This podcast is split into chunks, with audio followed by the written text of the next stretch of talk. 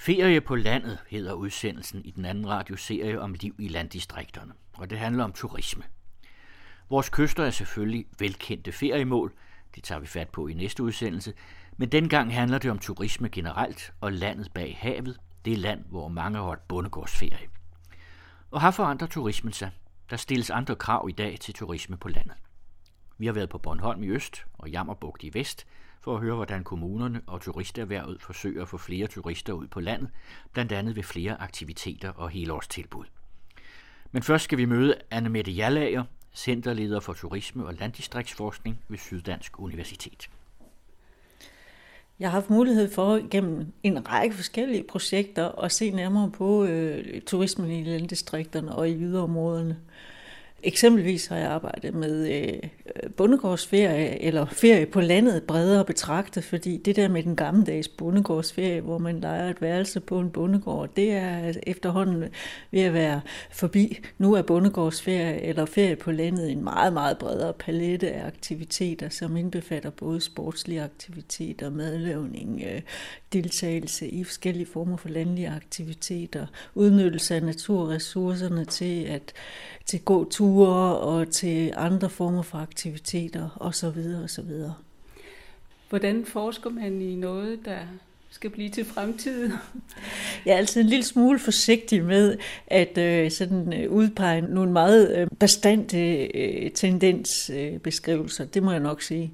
Vi kigger ofte i bagspejlet for at kunne måske kigge frem. og øh, vi har da kigget nøje på, hvordan har udviklingen øh, været øh, hidtil i især yderområderne, fordi det er meget omdiskuteret, altså kystområderne.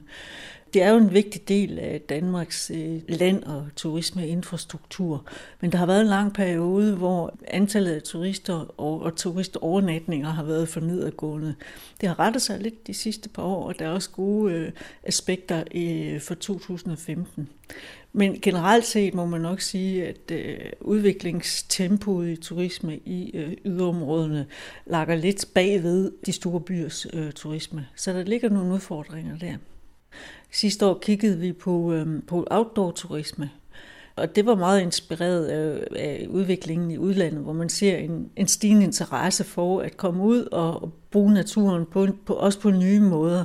Og det, der også øh, triggede mig en smule, var, at øh, det ikke bare er de sædvanlige øh, gåture i, langs stranden og så videre. Der kommer forskellige nye former for aktiviteter til, og dem vil vi gerne prøve at indvende en lille smule.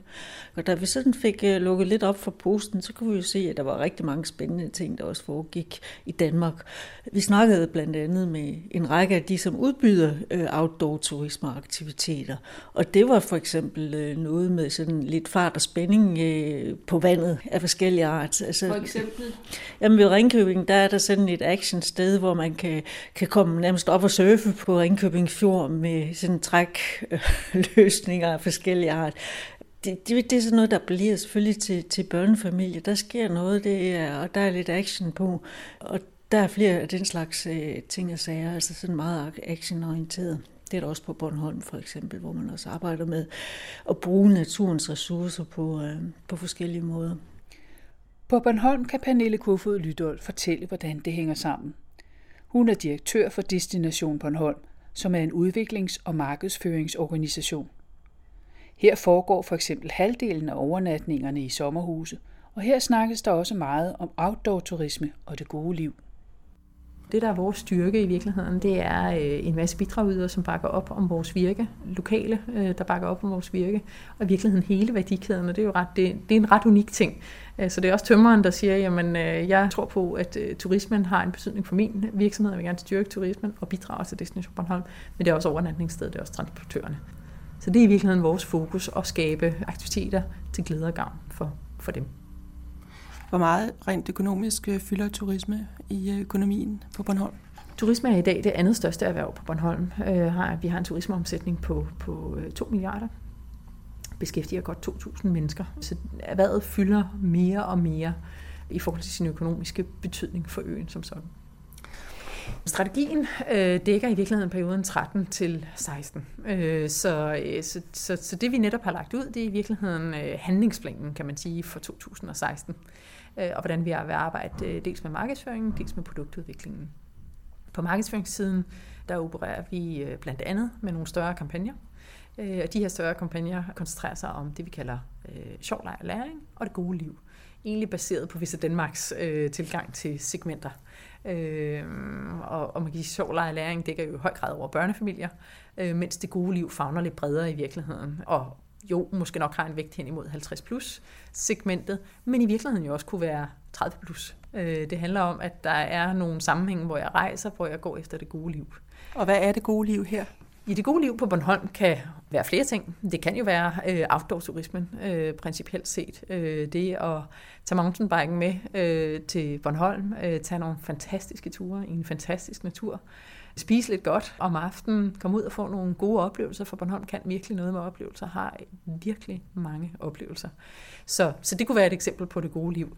Øh, det kan også være, at det bare er en, eller bare, men at det er en øh, tur, uh, golftur måske, og manden tager ud og spiller golf, øh, og hustruen hun går ud og shopper og har det godt, og man spiser lidt godt sammen om aftenen. Det er også det gode liv. Så det gode liv kan egentlig have mange ansigter og mange former. Ja. På landsplan har turismeforsker Anne Mette Jallager undersøgt de mere usædvanlige former for turisme. Så er der også meget sådan stille, mere stillestående ting og sager, som måske appellerer til nogle andre kundegrupper. Jeg snakkede blandt andet med en psykolog, som lavede øh, øh sådan nogle mindfulness-ture på hervejen.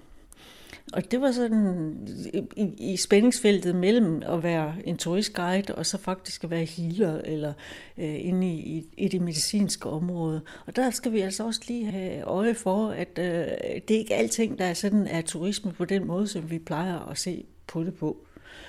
Når vi spurgte ind til de, der udbyder de her forskellige aktiviteter i naturen, så blev det også meget klart for os, at øh, en stor del af deres marked, det var sådan noget med teambuilding og forskellige former for fester og grupper og polterabends og den slags ting og sager. Altså grupper af mennesker, som tager ud, og de vil gerne noget aktivt undervejs, og så er der så faktisk øh, et udbud øh, derude i landdistrikterne og yderområderne, som stiller noget til rådighed, som er rigtig spændende og øh, som de gerne tager imod.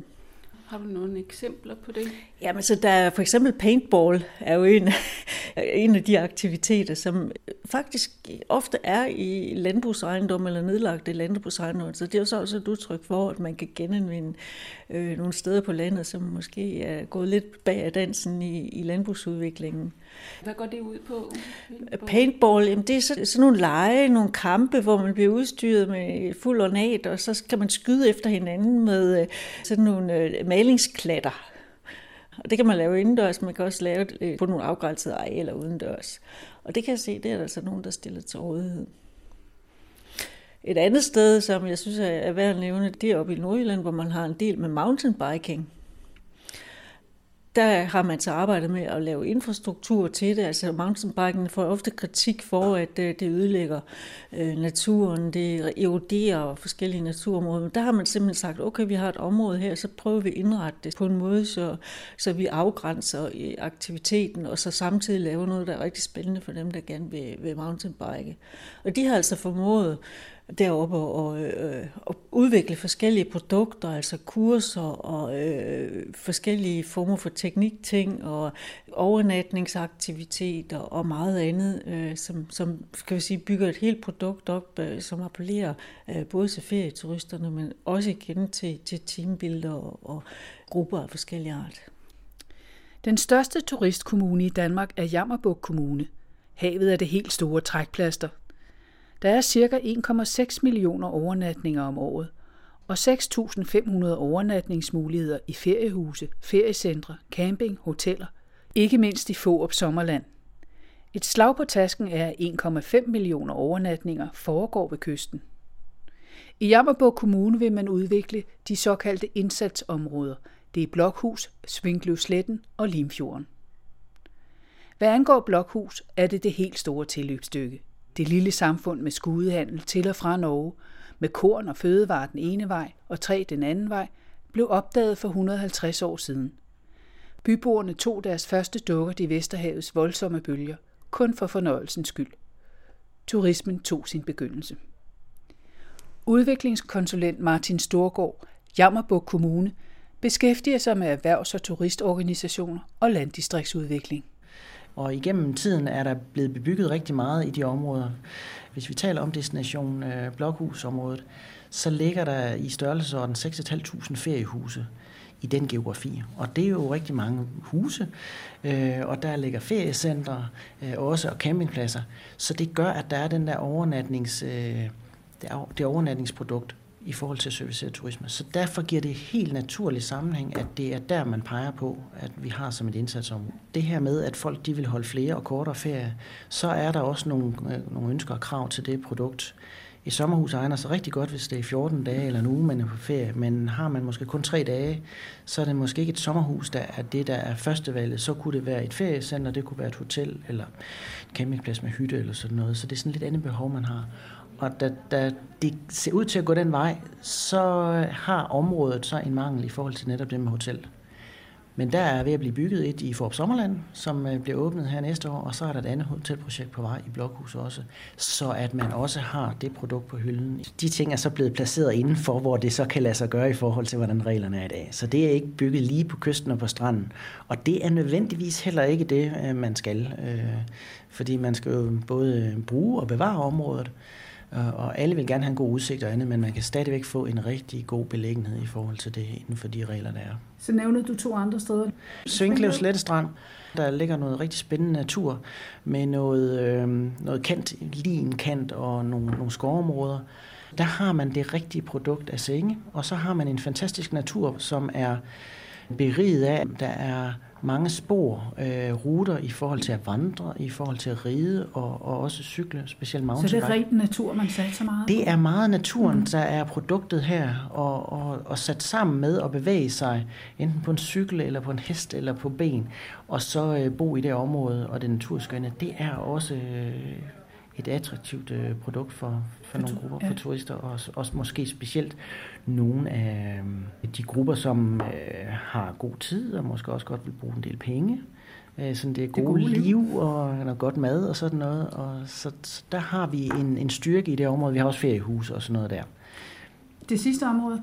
Det var det er Limfjorden. Også spændende natur at byde på, og nogle muligheder for nogle aktiviteter. Lidt mere stille vand øh, fiskeri og kan sejle mere roligt og sådan noget. Så der er et, et stort aktiv i at bruge det.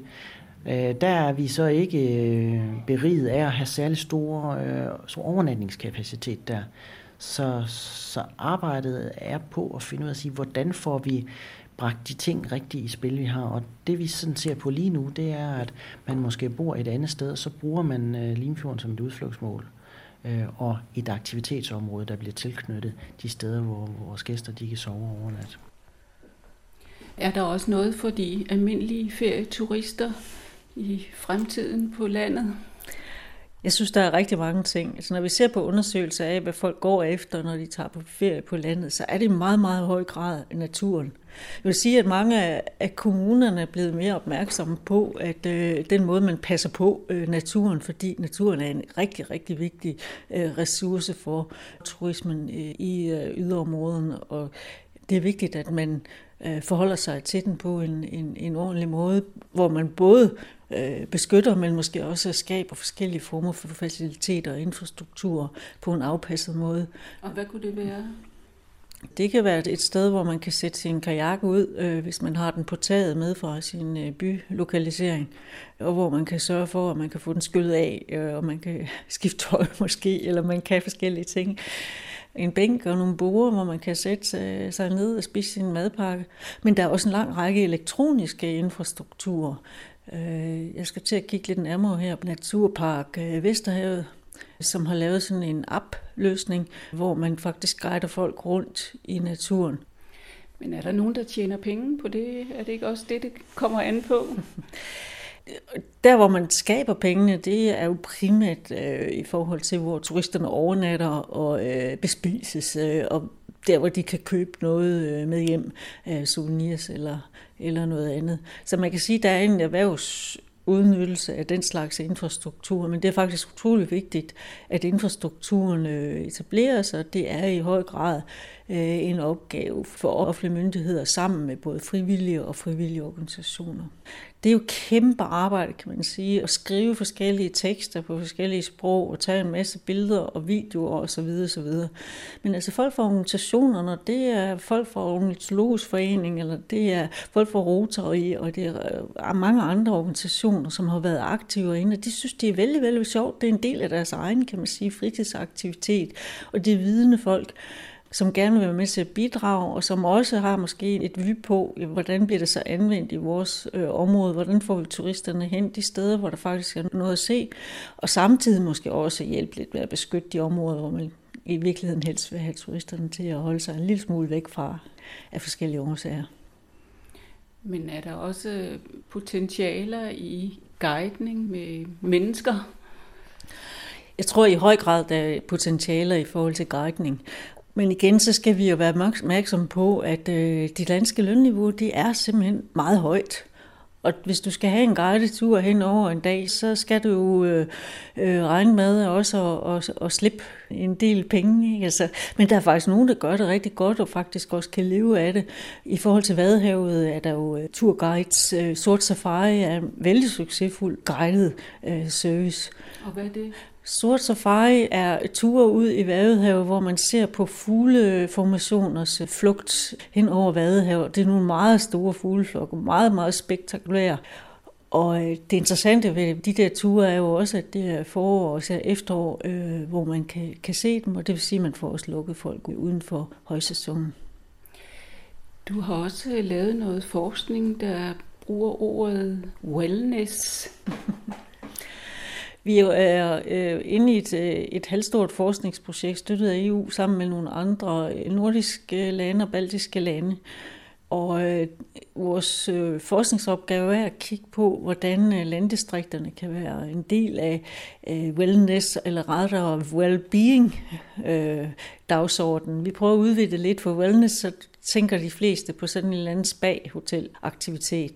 Men vi ser well-being som noget meget mere øh, bredt, hvor vi ser blandt andet på naturen som sådan en, en helende funktion.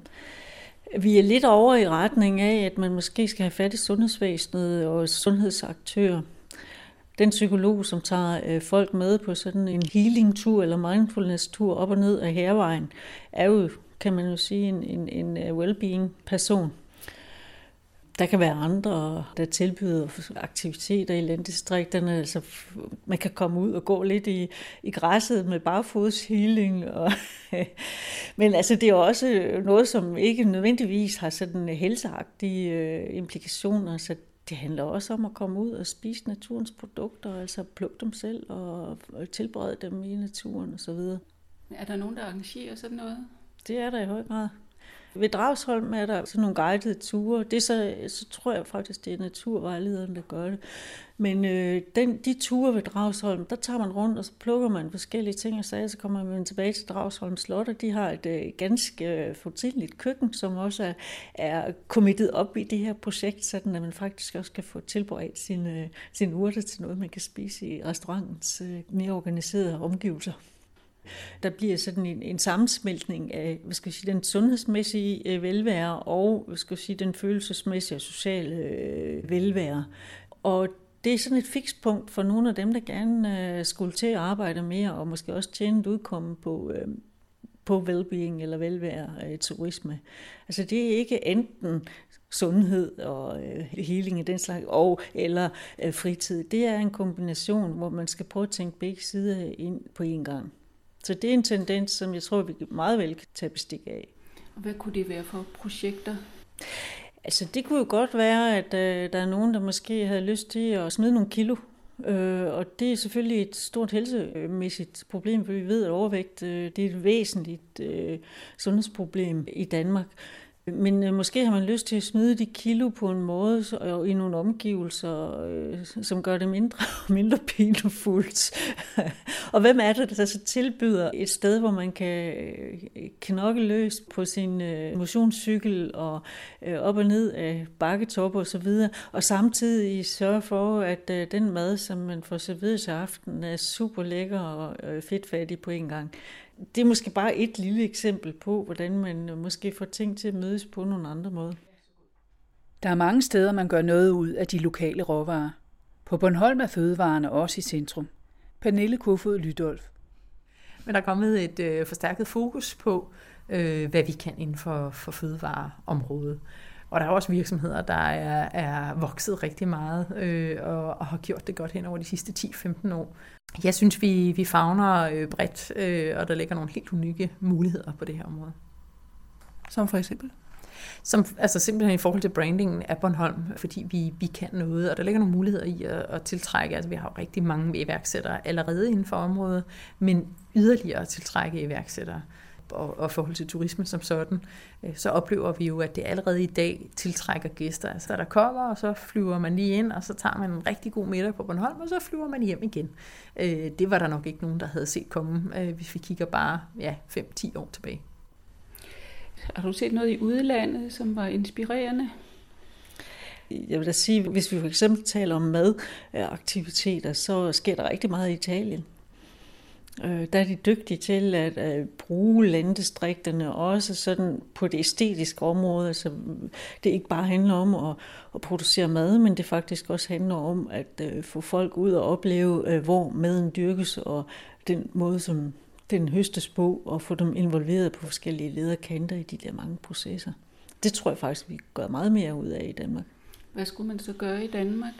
Altså landbrug i Danmark, de er som regel sådan nogle store øh, mekaniserede nogen, hvor man kun må komme ind i stallen, hvis man har en eller anden super dragt på. Øh.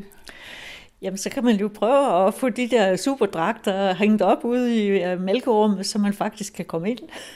Det kunne være en måde at gøre det på. Øh, og man har jo set øh, nogle store landbrug, hvor man laver sådan nogle steder, hvor man kan kigge ned til, til køerne. Jeg har jo også set det inden for fiskeriområdet, altså hvor, hvor man faktisk forsøger at, at gøre det muligt for folk at, at det, vi kalder glo på øh, nogle spændende aktiviteter.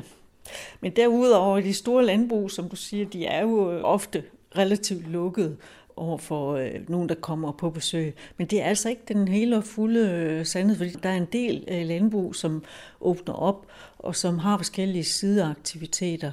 Og mange af godserne er faktisk rigtig dygtige og har gået foran i nogle af de her aktiviteter. Øhm, for eksempel Væringe Gods ved Kærteminde har en helt portefølje af aktiviteter, som appellerer til øh, en turisme- og besøgsaktivitet ved siden af et almindeligt øh, konventionelt landbrug. Hvad kan man der? Øh, man har bygget nogle af godsets fine, fine bygninger om til konferencer, kursusaktivitet sidst jeg var derovre, der, så var de i gang med at bygge en, en, en meget stor kostal øh, om, hvor man havde planer om at lave forskellige begivenheder, øh, markeder og mange andre ting. Og det er faktisk vældig velegnet til det nu, når de ikke kan have køer i den slags øh, lokaler mere. I Jammerbuk Kommune betyder turismen meget, og kommunen arbejder med helhedsplaner for den fysiske udvikling. Udviklingskonsulent Martin Storgård turismen er rigtig vigtig for, for Jammerburg Kommune. Altså hvis vi ser på beskæftigelsen, hvordan det nu hænger sammen, jamen, så er det mere end 10 procent af beskæftigelsen, der relaterer sig til turisme. I forhold til øh, de erhverv håndværk, der er, så er håndværkserhvervet bredere øh, repræsenteret i kommunen, end kommunen sådan egentlig struktur berettiger til. Og det er en af årsagerne ved vi, at det hænger sammen med den store bygningsmasse, der er, blandt andet i forhold til sommerhuse, som skal vedligeholdes og andet. Så det gør øh, rigtig meget for beskæftigelsen, at man har turismen, som man har. Og det er selvfølgelig også skattekroner. Øh, når vi nu taler alle de her huse og sådan noget, jamen dem, der ejer den, de er med til at bidrage til, øh, til den kommunale økonomi i forhold til, til ejendomsskat øh, eksempelvis. Nu har vi turismen, og vi har erhvervet. Og så har vi landbruget. Er der modsætninger i det her? Er landbruget så meget ind over, så det kan sige, nu stopper jeg, altså nu skal vi ikke lege Tivoli her? Mm. Nej, men det der er jo det er noget af det, som også i forhold til kommuneplanen fremadrettet kommer til at øh, måske blive mere tydeligt. Der er der faktisk en opdeling af, hvor har vi vores landbrug, hvor har vi naturen, og hvor er vores øh, turister, og så har vi nogle større bysamfund, hvor, man, hvor, hvor der er mange, der bor, og hvor der er større handelsliv. Så de ting er egentlig sådan skilt lidt ud og, og fordelt. Så der, hvor og geografisk man... generer de ikke hinanden så meget? Nej, det, det er faktisk ikke rigtig tilfældet. For hvis vi taler i forhold til turister, så, så løber de altså ikke rundt i, i der, hvor, hvor landbrugene de er, de er effektive. Og tilsvarende landbrugene ligger altså også uden for byerne, hvor vi har øh, den store bosætning øh, øh, og, og handelslivet. Hvad er den største indtægtskilde i kommunen? Jamen, landbruget øh, betyder rigtig meget i kommunen. Altså det er vel det største erhverv, hvis man enkeltstående, hvis man ser på, på den måde kroner og øre. Øh, men øh, turisme fylder godt, som sagt, ikke også på beskæftigelsen og på værdi øh, tilvækstsiden, jamen der er det, står det for 4-5 procent af, af værditilvæksten i kommunen, så, så der er turismen selvfølgelig erhverv, men vi har også, nu var jeg inde på i forhold til håndværksvirksomheder og andet, de øh, er selvfølgelig også vigtige, fordi det er en struktur, hvor der er mange mindre øh, virksomheder i vores kommune her. Tror du, turisme er det, som landdistrikterne skal overleve på, sådan økonomisk? Turisme er en ud af øh, flere forskellige aktiviteter. Hvis vi ser på de økonomiske beregninger, der findes, øh, så udgør turisme, det er lidt forskelligt rundt omkring i landet, men altså 3-4-5 procent af øh, økonomien. Så vi er nede i den lave ende af beskæftigelsen og økonomien, det må man sige. Men vi mangler meget, at øh, landdistrikternes egen befolkning også kommer med og er udbyder og aktiv i den her øh, sammenhæng. For eksempel i forskellige former for kombinationserhverv. Desværre er det sådan, at øh, meget af den aktivitet, der foregår øh, i øh, landdistrikterne og yderområderne, faktisk ikke giver så meget, øh, batter så meget økonomisk lokalt, fordi de jobs, der skabes, de går til øh, især unge, som, øh, som har dem som sommerferiejob. Altså folk, som er under uddannelse, som, øh, som har et sommerferiejob. Derudover så er der en del af de aktiviteter, også de outdoor-aktiviteter, som faktisk drives af folk, som har bopæl andre steder end der, hvor de faktisk leverer deres ydelse. Og det er en stor udfordring for øh, lokalområdet. Nu skal, vi selv, nu skal de altså selv til også at stille noget på, på benene, og det tror jeg sådan set også, de kan øh, på forskellige lederkanter. Hvor er potentialerne for turistudvikling på Bornholm? Det ved direktør for Destination Bornholm, Pernille Kofod Lydolf. Jeg ser rigtig mange muligheder i, i outdoor-turisme blandt andet. Også kulturturismen, øh, sådan set også, øh, hvor jeg ser nogle muligheder for at tiltrække nogle segmenter, og dermed styrke øh, turismen i de her områder herunder, blandt andet Bornholm. Og så ikke mindst i forhold til outdoor-turismen ligger også bag det, at øh, her er muligheden for at tiltrække nogle lidt yngre gæster, end vi ellers traditionelt gør. Altså hvis jeg sådan skal, lidt fortegnet skal sige, hvad det er for nogle gæster, vi får, så er det i høj grad børnefamilier, cirka 50 procent, og det er 50 procent 50 plus, altså det lidt ældre segment. Og vi vil jo rigtig gerne have folk til at komme relativt tidligt. Kunne vi få en på 25 til at komme, måske på en tøsetur, hvad ved jeg, eller på en mountainbike-tur øh, med gutterne, jamen så ved vi, at 80 procent af vores gæster kommer igen.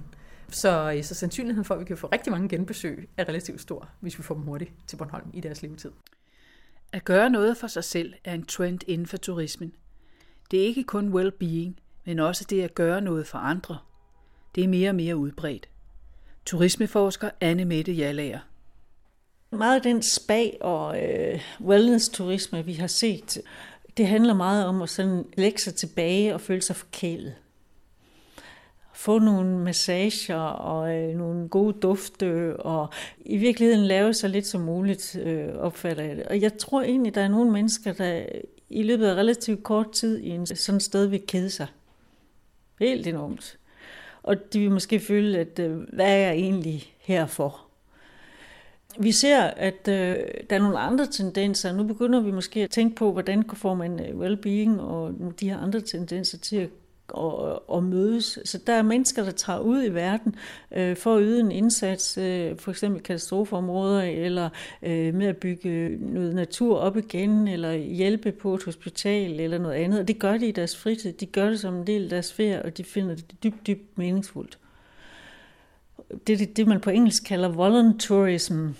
Vi har heller ikke noget godt dansk ord for det her, men altså sådan en frivillighedsturisme, øh, hvor man giver tilbage, kan man sige, hvor man føler måske, og det, det er jo ikke mindst den lidt ældre befolkning, men også en del unge, der siger, vi har, nu har vi altså, øh, vi har nyt godt af vores samfunds øh, Øh, overskud i rigtig mange år. Vi har også bidraget til vores samfund. Vi har øh, samlet til håbe på forskellige leder, og vi har stadig kræfter til at være med til at give tilbage til nogen, der har brug for hjælpen. Så vi jeg sige, den der meningsfulde øh, turisme, den ikke egoistiske turisme, ser vi nogle forskellige tendenser til begynder at øh, poppe op på forskellige lederkanter. Men hvordan den udvikler sig sådan fremover, det, det har vi ikke helt styr på, fordi vi tror, det er sådan en, en turismeform meget i sin kimform. Hvad kunne du forestille dig, at man kunne lave af, af sådan nogle projekter her i landet? Altså, jeg tror, der er rigtig, rigtig, rigtig mange øh, forskellige former for projekter, hvor man kunne drage folk øh, ind i. Altså nu taler vi meget om i landdistrikterne, at øh, de forfalder på forskellige lederkanter, og også hvad skal jeg sige, vores bygningskultur øh, forfalder. Og det der mange, opfatter som et stort problem, at husene forfalder, og de trænger til at blive repareret og så videre.